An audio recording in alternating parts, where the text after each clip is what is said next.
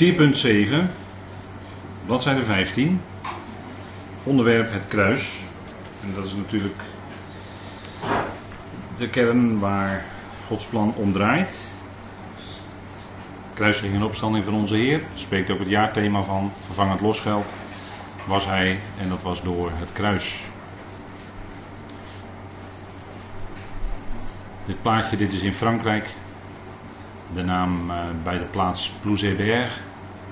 Als ik het goed uitspreek. En dit, dit, dit is nog terug te vinden. Hè. Als u in Frankrijk op vakantie bent, dan uh, kunt u dit uh, bezoeken. Ja. En is op meerdere plaatsen. Hè. Rechts is een, een kruis, eigenlijk ook vijf kruisen. Hè. Twee, het, ehm, rechts op de, die, die rode, dat zijn ook vijf kruisen. Dus er zijn meerdere punten waarop bekend is dat er vijf kruisen, en dat is een waarheid, hè, vijf kruisen op Golgotha hebben gestaan. Hè. Meestal wordt er tegen ons gezegd vanuit de traditie drie. Maar als je de tekst goed erop naslaat, dan ga je toch denken dat er vijf kruisen hebben gestaan. Dat is uit verschillende schriftgegevens te halen. En daar hebben we wel eens bij stilgestaan. En daar hebben we wel ook, eh, er is ook wel een studie van eh, beschikbaar. Vijf kruisen op Golgotha. En dat is toch wel bijzonder, want dan is het die ene, en die is hier ook afgebeeld, die staat hoger, die ene van onze Heer, met vier anderen. met hem werden twee rovers en twee misdadigers gekruisigd. Dat zijn verschillende woorden. twee rovers, dat uh, waren diegenen die die man overvielen. En die lag dan langs de kant van de weg. Hè, het verhaal van de Heer. Dat waren rovers. En je had ook misdadigers. En daar kon ook iets bij zitten van dat ze een, een zelfs een moord gepleegd hadden. Hè, dat uh, kwaaddoeners eigenlijk letterlijk, als ik het heel letterlijk zeg. Dus twee rovers en twee misdadigers werden samen met de Heer gekruisigd. En daarin, in die vier, want vier heeft te maken met deze wereld, met deze aarde, de vier hoeken van de aarde bijvoorbeeld, de vier windrichtingen. Met de Heer samen werd de oude mensheid, heel de oude mensheid, mede gekruisigd. Dat is een waarheid, hè? Romeinen 6, vers 6 staat dat die hele oude mensheid tezamen met Christus werd meegekruisigd. En dat werd zichtbaar in die rovers en die misdadigers. Dat is die hele oude mensheid. Dat is een bende rovers en misdadigers. Want dat zit allemaal in het menselijke vlees. Hè? Dus ik heb ook wel eens gezegd, dat zijn u en ik. Die rovers en die misdadigers naar onze oude mens. Maar die is mede gekruisigd met Christus.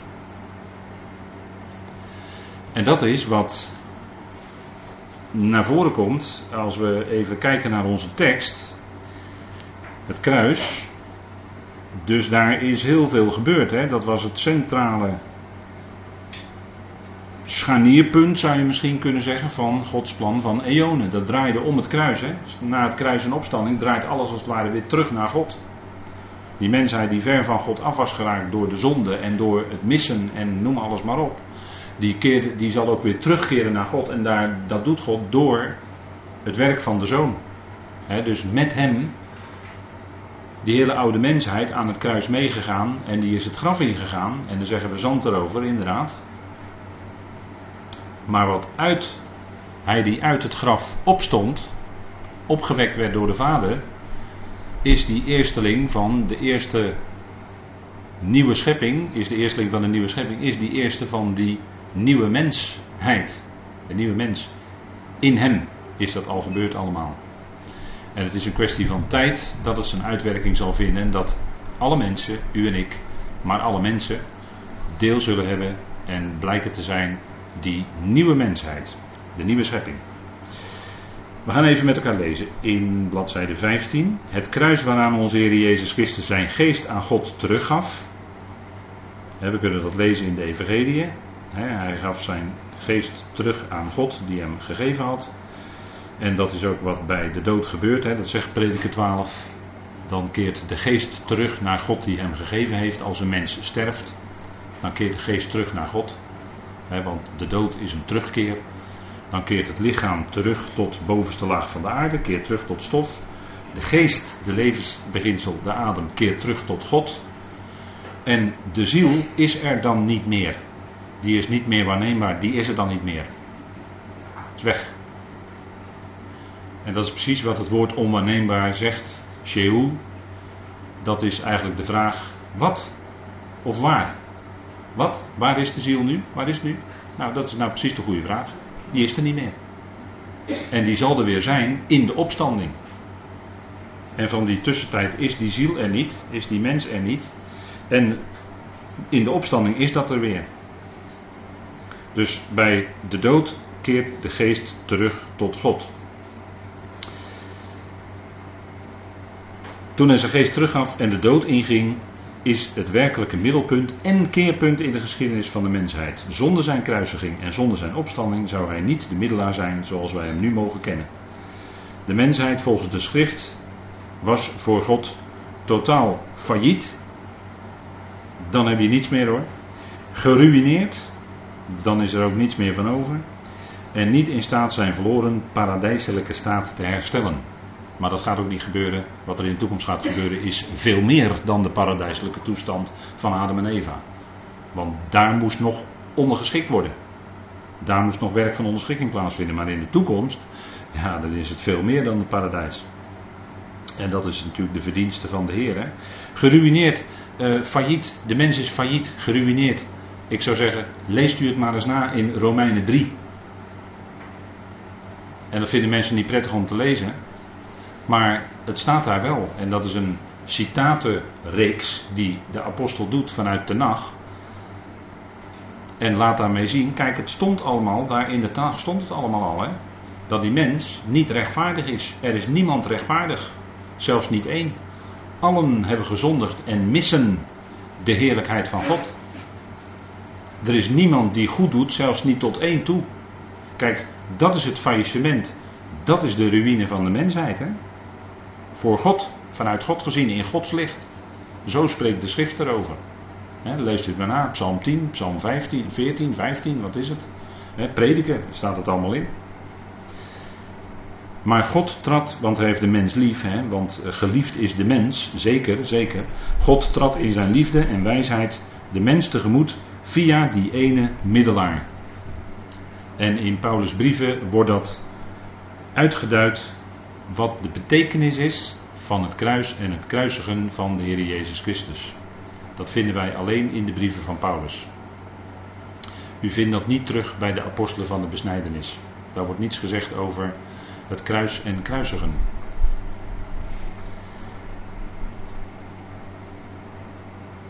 Bijvoorbeeld in Galaten 2 vers 20 en 21.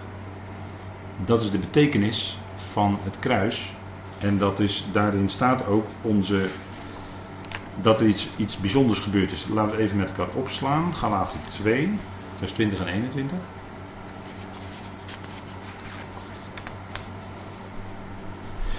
En als u nog terug kan vinden, dan zou u de spreekbeurt van Ruud Boukema daar nog eens over moeten naluisteren. Die had daar enige tijd geleden een bijzonder fijne spreekbeurt over. Maar dat zal nog op de website terug te vinden zijn. Galaten 2 vers 20.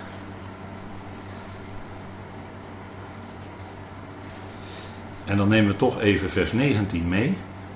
Dat is ook wat met het kruis te maken heeft. Want ik ben door wet voor de wet gestorven, opdat ik voor God leef. Met Christus ben ik gekruisigd. Ik leef echter niet langer ik, echter in mij leeft Christus. Kijk, dat is onze nieuwe identiteit. Christus in ons, dat is onze nieuwe identiteit. Die oude, dat is voorbij. Met Christus ben ik gekruisigd. En die oude is met Christus ook mee het graf ingegaan. En die nieuwe, die is opgewekt uit het graf. Want Paulus zegt: Hé, hey, ik ben met Christus gekruisigd. En hij zegt verwonderd: Ik leef echter. Maar niet langer ik, dat is dat oude ik. Echter, in mij leeft Christus. Dat is dat nieuwe ik, om het zo maar te zeggen. Dat is onze nieuwe identiteit. En uh, dat voor ons als gelovigen is dat een, een, prachtige, een, een prachtig woord, dit. Want dit is de werkelijkheid. En dan zegt Paulus, nu voor zover ik nu nog in het vlees leef, leef ik in het geloof van de Zoon van God. Hè? Het is dan zijn geloof in ons. En dat werkt. Dat werkt uit. En dat is ook die nieuwe identiteit. En het is de bedoeling dat dan in ons dat leven van Christus zichtbaar wordt. dat is de bedoeling van het Evangelie. Dat is onze nieuwe mens. Die mij lief heeft en zichzelf voor mij overgeeft. En dat is prachtig, hè? Dat is die ommekeer die we beseffen in ons leven, die we ervaren in ons leven. Dat het is niet langer ik, maar Christus leeft in mij. Die nieuwe mens. En dat is geweldig, hè? En dan komt die vrucht van de geest, gelaten 5 is dat, een paar hoofdstukken verder. Dan komt die vrucht van de geest naar voren in ons leven. Bovenaan staat liefde, hè, maar het is één vrucht met negen facetten. Bovenaan staat liefde. En daartussen zitten dan een heleboel facetten, geduld, zachtmoedigheid enzovoort. Nou, dat is die vrucht van de geest. Die wordt door de geest in ons dus uitgewerkt. Hè. Dat kunnen wij niet zelf met heel veel inspanning en ploeteren doen. Nee, dat is de vrucht van de geest en die groeit. Een vrucht in de natuur groeit ook langzaam maar zeker. Eerst komt de bloesem en later komt de vrucht. Nou, zo is het ook in het leven van de gelovigen. Eerst gaat dat evangelie bloeien en dan later komt de vrucht. dat is ook een groei, een groei naar volwassenheid. als een vrucht rijp is, als een appel rijp is aan de boom, echt gerijpt is, dan kun je hem plukken. Dan is het een rijpe vrucht. Dan heeft hij de groei doorgemaakt. Nou, zo is het ook in het geestelijke bereik, in het geestelijk leven. als we een groei doorgemaakt hebben, dan is daar die vrucht. En dan heb je niet zo'n heel erg kort lontje meer, maar dan heb je geduld. En dan eh, kun je, kun je misschien toch, waar je vroeger er van alles uitflapte, als echte Rotterdammer bij wijze van spreken. Maar niet alleen Rotterdammers doen dat hoor, heel veel Nederlanders doen dat, want die hebben allemaal wel het hart op de tong en dan zeggen ze de meest akelige dingen. En waar ze achteraf misschien ook nog spijt van hebben. Maar als een stukje vrucht van de geest, geduld en dan inhouding, dat is het laatste facet, hè? inhouden, wat altijd in de vertaling staat met zelfbeheersing. Maar dan kun je misschien je woorden inhouden. En dan ben je misschien later achteraf heel dankbaar voor dat God je dat vermogen gaf op dat moment om die woorden ook in te houden. En om niet datgene te zeggen wat op je tong lag om te zeggen. want als iemand iets doet, ja, weet jij veel. Wat weten we nou van, de, van een ander mens? Hè? Wat weten we nou van een ander mens? Niet zo heel veel hoor. God kent ons door en door. Nou ja, wij kijken toch vaak tegen elkaars buitenkant aan. En ja, weten wij veel wat in een leven gepasseerd is. Kennen wij al die dagen en uren en wat er allemaal in heeft plaatsgevonden? En dan, als, je, als je dan een mens soms uh, gaat, gaat horen en wat er in het leven dan heeft plaatsgevonden, dan kun je soms ineens begrijpen waarom iemand iets doet of laat. Laat ik maar even heel oppervlakkig zeggen. maar dat dan, dan. En daardoor leer je dan ook om niet zo snel je, je ongezouten mening klaar te hebben over iemand en dat dan nog met de ander te ventileren ook. Maar dan kun je je, je woord inhouden. Inhouding. Ook een stukje, klein stukje vrucht van de geest ook. Hè? Inhouding. Staat helemaal achteraan, maar toch niet onbelangrijk, denk ik. Maar dat is ook als je de Heer hebt leren kennen, dan leeft Hij zijn leven in en door ons heen uit. Want dat kunnen we niet uit onszelf. Hè? Kijk, de apostel Paulus die uh, ging als een woesteling tekeer tegen de gelovigen. Zo was hij. En toen was Christus in zijn leven gekomen en toen kwam die verandering. En aan het eind van zijn leven was het een ootmoedig en zachtmoedig mens geworden. Nou, dat is een enorme verandering hoor. Kan ik, hè, dat kunnen we allemaal zelf teruglezen in de schrift. Loop het maar na, dat leven. En dat is een enorm getuigenis van de kracht van de geest van God in iemand. Dat was die nieuwe identiteit ook bij Paulus natuurlijk. God trad in zijn liefde de wijsheid de mens tegemoet door die ene middelaar. Net zoals Mozes als middelaar tussen Yahweh en het volk Israël het voor een gericht wist te behoeden, zo heeft Christus Jezus als de middelaar tussen God en mensheid haar van absolute dood gered. Hij, de unieke middelaar, heeft zichzelf diep verootmoedigd. De Vader gehoorzaam worden tot in de dood, ja, de dood van het kruis. En dat is ongelooflijk diep. En moet u nagaan voor degene die zonder zonde was. Als er eentje was die die kruisdood niet had verdiend, was hij het. Hij was zonder zonde. En hij is toch die weg gegaan. En hij werd ontzettend diep heeft hij geleden, hè? heeft hij zich verootmoedigd. Ik denk dat dat toch bijzonder is hoor, dat voorbeeld hè, van ootmoedigheid. Een voorbeeld voor ons. Hij nam alles op zich waarvoor God de mensheid zou veroordelen en liet zich kruisigen. Aan het kruis nam hij de vijandschap weg. Aan het kruis nam hij de vijandschap weg. Die de mens van God scheidde en ontmantelde hij alle geestelijke soevereiniteiten en volmachten over hen zegevierend. Dus u ziet dat dat werk aan het kruis is indrukwekkend hè. Wat daar heeft plaatsgevonden en wat de gevolgen daarvan zijn. Dat is indrukwekkend, dat is alles beslissend. Alles beslissend. In Efeze 2 vers 16, als we het met elkaar lezen, dan zien we daar ook zo'n uitwerking van het kruis. Efeze 2 vers 16.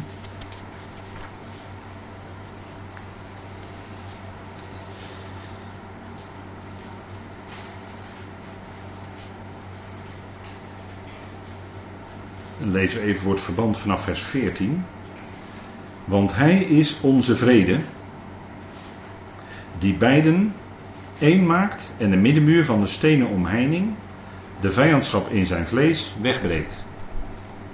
En de wet van geboden in inzettingen buiten werking stelt. Dus dat mosaïsche, heel dat mosaïsche inzetting van wet en geboden in inzettingen. Opdat hij de twee, dat zijn twee groepen, opdat hij de twee in zichzelf tot één nieuwe mensheid zal scheppen, vredemakend. En beiden in één lichaam met God door het kruis wederzijds zal verzoenen, de vijandschap erin dodend. Dus die vijandschap die er was tussen uh, de Joden en de heidenen, de Goyim om het zo maar te zeggen. Twee groepen, gelovig uit de Joden en gelovig uit de heidenen, die worden door het werk van het kruis tot één samengevoegd, zegt Paulus hier. En die onderlinge vijandschap die er was in het vlees is weggedaan, want door het kruis is er niet meer sprake van onderscheid in het vlees, maar dat is mede gekruisigd. En na het kruis is dat onderscheid in het vlees weggevallen en is er dus onderlinge verzoening en eenheid. En wordt er ook niet meer gekeken, geestelijk gezien, als het gaat om de nieuwe mensheid, wordt er ook niet meer gekeken naar vleeselijke afstamming. Dat speelt dan geen rol meer. En dus is ook die vijandschap die er was in het vlees, is weg. Dat is heel verstrekkend hoor, wat Paulus hier zegt. wat hij hier vaststelt, door Heilige Geest geleid, als consequentie van het kruis.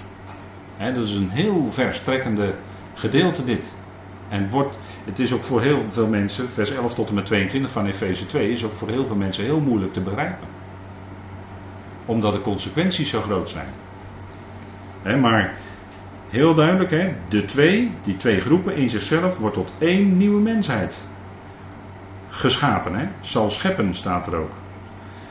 En daarvoor moest aan het kruis die vijandschap en dat vlees weggedaan worden. En dat is voor God ook weggedaan. Dat is, en dat zal ook uiteindelijk uit de schepping verdwijnen als vrucht, als resultaat van het kruis. Zal alle vijandschap teniet gedaan worden. want dat is ook wat 1 Korinthe 15 zegt. Dat al, niet alleen alle vijanden, maar ook alle vijandschap zal dan weggedaan zijn. Dat is het resultaat van het kruis. En beiden verzoent hij met in één lichaam. Dus elk onderscheid wat nog gemaakt wordt op basis van vleeselijke afkomst, dat kunnen we in feite niet maken. Daar, eh, mensen die eh, afstamden vanuit het Joodse volk en tot geloof zijn gekomen in het lichaam van Christus, nou die afstamming geestelijk gezien, die telt niet meer. Want we zijn alle één in Christus Jezus. Zegt Paulus trouwens ook al in de gelaten brief, hè? Gelaten 3, de laatste verse. Dat het onderscheid in Christus wegvalt. Vleeselijke onderscheid, de verschillen. Dus zo zien we weer zo'n stukje enorme consequentie van wat hij heeft gedaan. Vijandschap en opstanding, het garandeert de vrede. Paulus gebruikt het woord vrede hier in dit stukje verschillende keren. verzoening met als resultaat vrede. Er is onderling vrede. In het lichaam van Christus kijken we niet naar elkaars afkomst, naar het vlees. Dat speelt geen enkele rol. We zijn geestelijk met elkaar verbonden in Christus. Daar zouden we vanuit leven en denken en zijn. Colossense 1, vers 20 staat ook. Belangrijk, heel belangrijk woord. in verband met de resultaten van het kruis. Colossense 1, vers 20. En er staat, en door hem, we beperken ons nu even tot vers 20, en door hem het al wederzijds met zichzelf te verzoenen. Het al, dus dat is alomvattend. Vrede maken door het bloed van zijn kruis. Door hem, het zij wat op de aarde, het zij wat in de hemelen is. En dat omvat dus al het geschapene. Dat blijkt uit de context, blijkt uit vers 16. Door hem wordt het al, dus het, dat is alles, de hele schepping, alle schepselen, wederzijds met zichzelf verzoend, wordt wederzijds met God verzoend, omdat er vrede is gemaakt door het bloed van zijn kruis. En het bloed wijst op het enorme diepe lijden. Bloed en kruis wijst op het enorme diepe lijden wat de Heer aan het kruis heeft doorgemaakt. En natuurlijk ook zijn dood. Door hem heeft ze op aarde, het zij wat op de aarde, het zij wat in de hemelen is. Dus God verzoent het al wederzijds met zichzelf. We zijn geen alverzoeners, maar God verzoent het al wederzijds met zichzelf. Lezen wij in de schrift. En daar houden we het op. En dat is uh, bijzonder, hè? Dus consequentie van het kruis. We gaan even terug naar bladzijde 15. Door hem hebben wij in één geest de toegang tot de Vader. Efeze 2, vers 18. Nou, moet dat stukje nog maar eens verder doorlezen in Efeze 2. Toen alleen nog het koninkrijk van Israël in beeld was, luidt het evangelie dat de zoon van de mens zijn ziel gegeven heeft als een losprijs, een lutron, in plaats van velen. Matthäus 20, vers 28 en Marcus 10, vers 45. Dat was nog beperkt. Hij plaatste zijn ziel om die weer te nemen, om die weer te krijgen. Hij plaatste zijn ziel om die weer te krijgen. In de vertaling is dat helaas wegvertaald met het woord leven. En dan krijgt u een hele andere indruk. Toch even lezen met elkaar, maar Johannes 10. Even scherp lezen wat er staat. Johannes 10,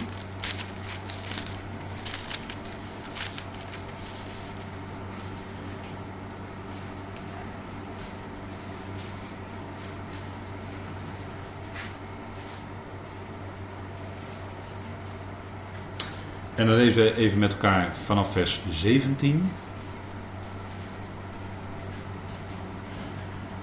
En daar zegt de Heer: Daarom heeft de Vader mij lief, omdat ik mijn ziel, staat er dan, neerleg, zo zou je het kunnen vertalen, maar er staat eigenlijk plaats, omdat ik mijn ziel plaats, opdat ik die opnieuw krijg. Dat ik mijn ziel, omdat ik mijn ziel plaats, opdat ik die opnieuw zou krijgen. Ja, dat woordje opdat. Ik zeg het woordje zou heel even tussendoor, want er staat het woordje opdat. En dan krijg je de aanvoegende wijs. Maar mag gelijk weer vergeten, dat is Nederlands. Vers 18 zegt dan: Niemand neemt die mij af. Waar gaat het over? Zijn ziel. Maar ik plaats die van, vanuit mijzelf.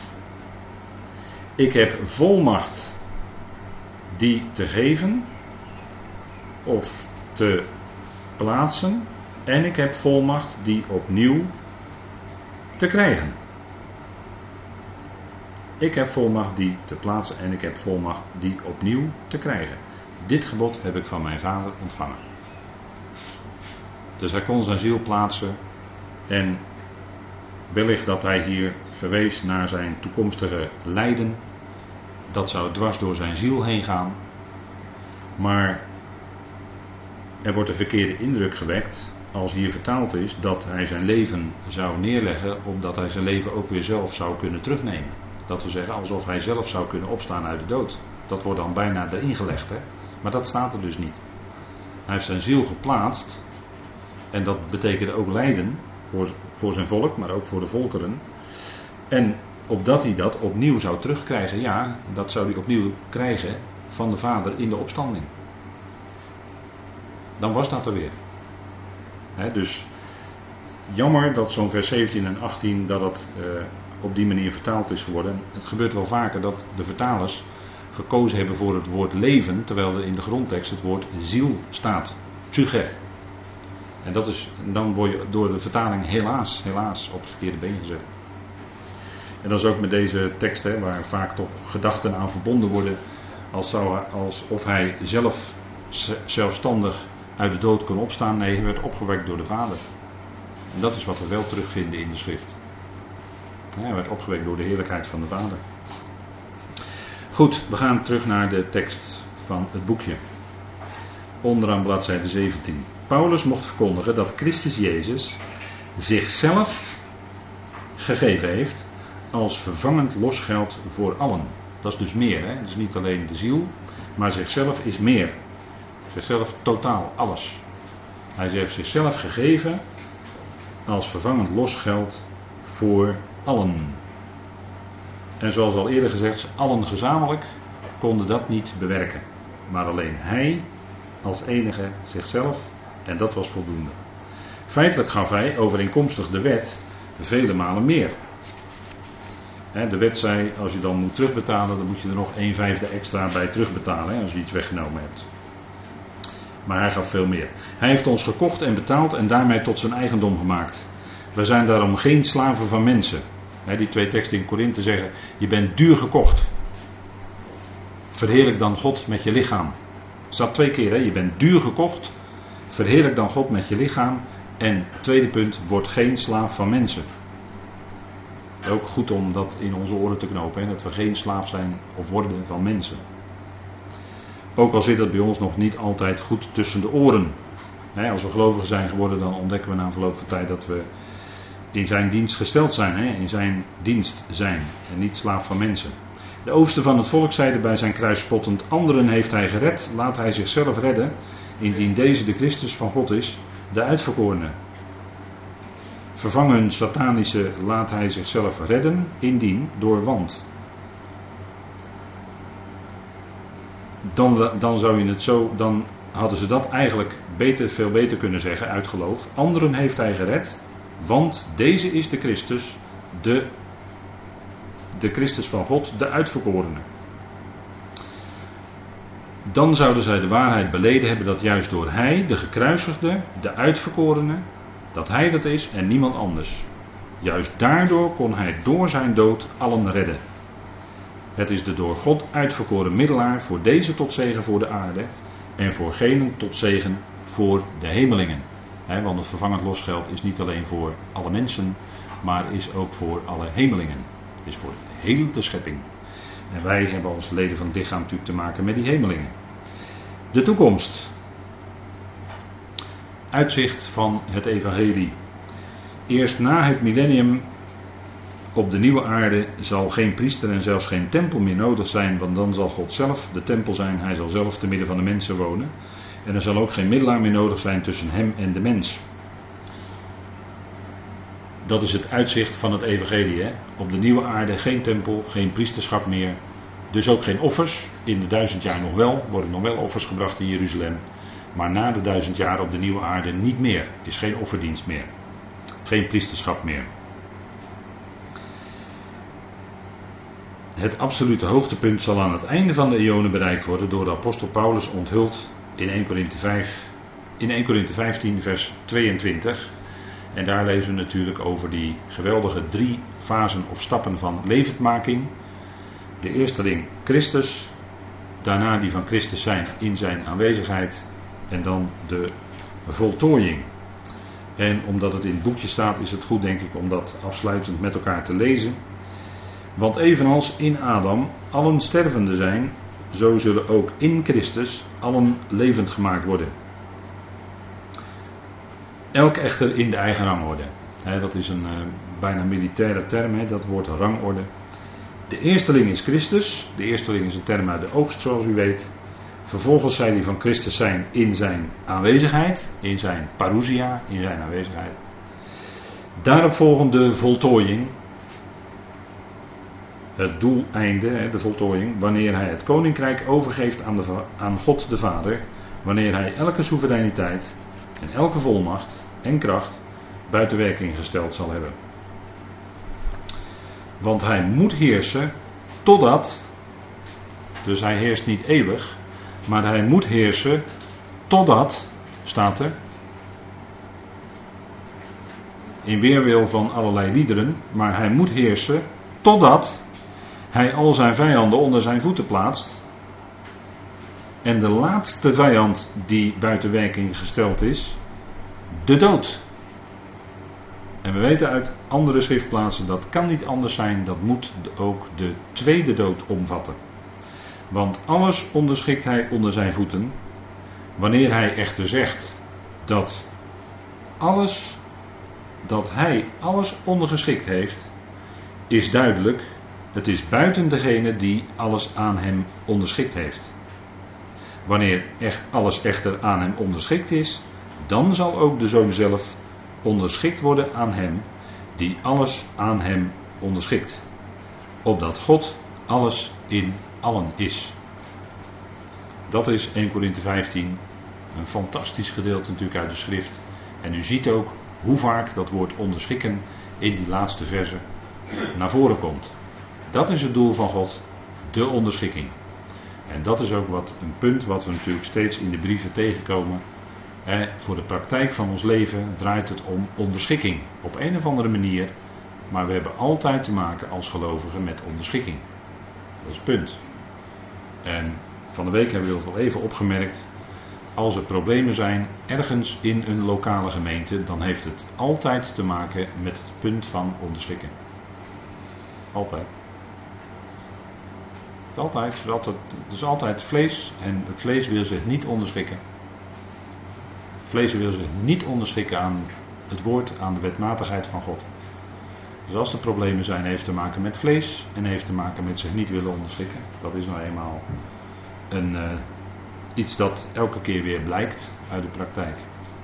Maar het is een fantastisch mooi gedeelte en het doel van God is dus onderschikking. En alle mensen en alle hemelse machten en krachten, want die worden hier ook genoemd, worden uiteindelijk tot onderschikking gebracht aan de zoon. En uiteindelijk als voltooiing zal de zoon zelf zich onderschikken aan de vader. En dan is God, dan wordt God alles in alle. En dan pas breekt de eindeloze eeuwigheid aan, om het zo maar eens te zeggen. Want dan is Gods plan van eonen voltooid.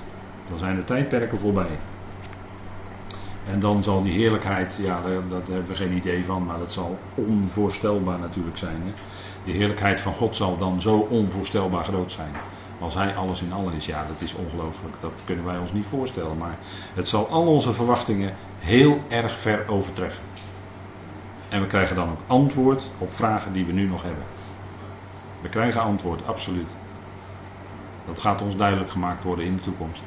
Maar we zijn nu nog beperkt. En daarom kunnen we, weten we nu nog niet antwoord op vragen die we hebben. Omdat we nu nog in beperktheid zijn, in vernedering zijn. In, en God houdt ons in ootmoedigheid. Maar in de toekomst zullen we op alle vragen antwoord krijgen. En dat is wat uh, de conclusie ook is. De eenheid, want daar gaat het naartoe. Hè? Als God alles in alles is, dan wordt ook die werkelijke eenheid bereikt. Van die ene God, van die ene middelaar. En dan is datgene wat nu al in de gemeente, voor de gemeente geroepen wordt, komt uh, dan in volheid naar voren. En daarmee wil ik dan afsluiten. Want daar worden wij op ons hart gedrukt aan het eind van deze studie. De conclusie is, na alles wat we in deze studie te verwerken hebben gekregen, past het ons af te sluiten met het naspreken van de woorden die Paulus ons in Efeze 4, vers 1 tot 6 op het hart gedrukt heeft. Je beijverend, dus dat is iets, hé, hey, je beijverend, wordt tegen ons als gelovigen gezegd, de eenheid van de geest te bewaren in de band van de vrede. Dus die eenheid van de geest die is er en die zouden wij bewaren met de band van de vrede. En die eenheid hebben we met alle gelovigen. Eén lichaam, want er is één lichaam, dus dat geldt alle gelovigen, alle die tot het lichaam behoren. En één geest, zoals jullie geroepen werden in één verwachting van jullie roeping, één Heer, één geloof, één doop, één God en Vader van alles, die is voor allen en door allen en in allen. En dan eindigen we dus onze studie met het cijfer 1. eenheid, één God, één middelaar. Dat is ons jaarthema. En daar worden we in Efeze 4 nadrukkelijk op gewezen. Hè, dat we dat daartoe ons zouden beijveren. Goed, ik wilde met u afsluiten met een dankgebed. Vader, dank u voor dit moment wat u ons gaf. Deze week om met het jaarthema bezig te zijn. In vijf ochtenden, Vader, dank u wel dat u ons daartoe de gelegenheid gaf. Vader, en dank u wel dat we een aantal facetten met elkaar konden bekijken. En steeds beseffen dat er nog veel meer te zeggen zou zijn, maar dank u wel dat we het kunnen nawerken voor onszelf. En die woorden ter harte nemen. Vader, opdat dat woord in ons werk doet en we kunnen leven met en vanuit die nieuwe identiteit. Christus in ons. Zijn geloof. Vader, dank u wel dat we daartoe geroepen zijn. Vader, en dank u wel ook voor de aanwijzing die we aan het slot nog meekregen. Om te beijveren die eenheid van de geest te bewaren met de band van de vrede. Vader, dank u wel dat u ons dat geeft. Dank u wel dat we deze momenten van u mochten ontvangen. Om hier met elkaar over na te denken en ook met elkaar na te spreken. Vader, dank u wel ook voor de gelegenheid die u gaf en dat het allemaal mogelijk was. Dank u wel ook voor vele helpende handen hier. En we danken u, Heer, voor wat u hebt willen geven. In rijkdom, de wijsheid van uw woord. En wilt u dat woord zelf bevestigen aan ons hart. Vader, het gaat niet om onze menselijke woorden, maar het gaat om uw woord. En wilt u dat verder uitwerken en bekrachtigen in ons leven. Vader, daar zien we naar uit en daar dank u voor. In de machtige naam van uw geliefde Zoon, onze Heer Christus Jezus. Amen.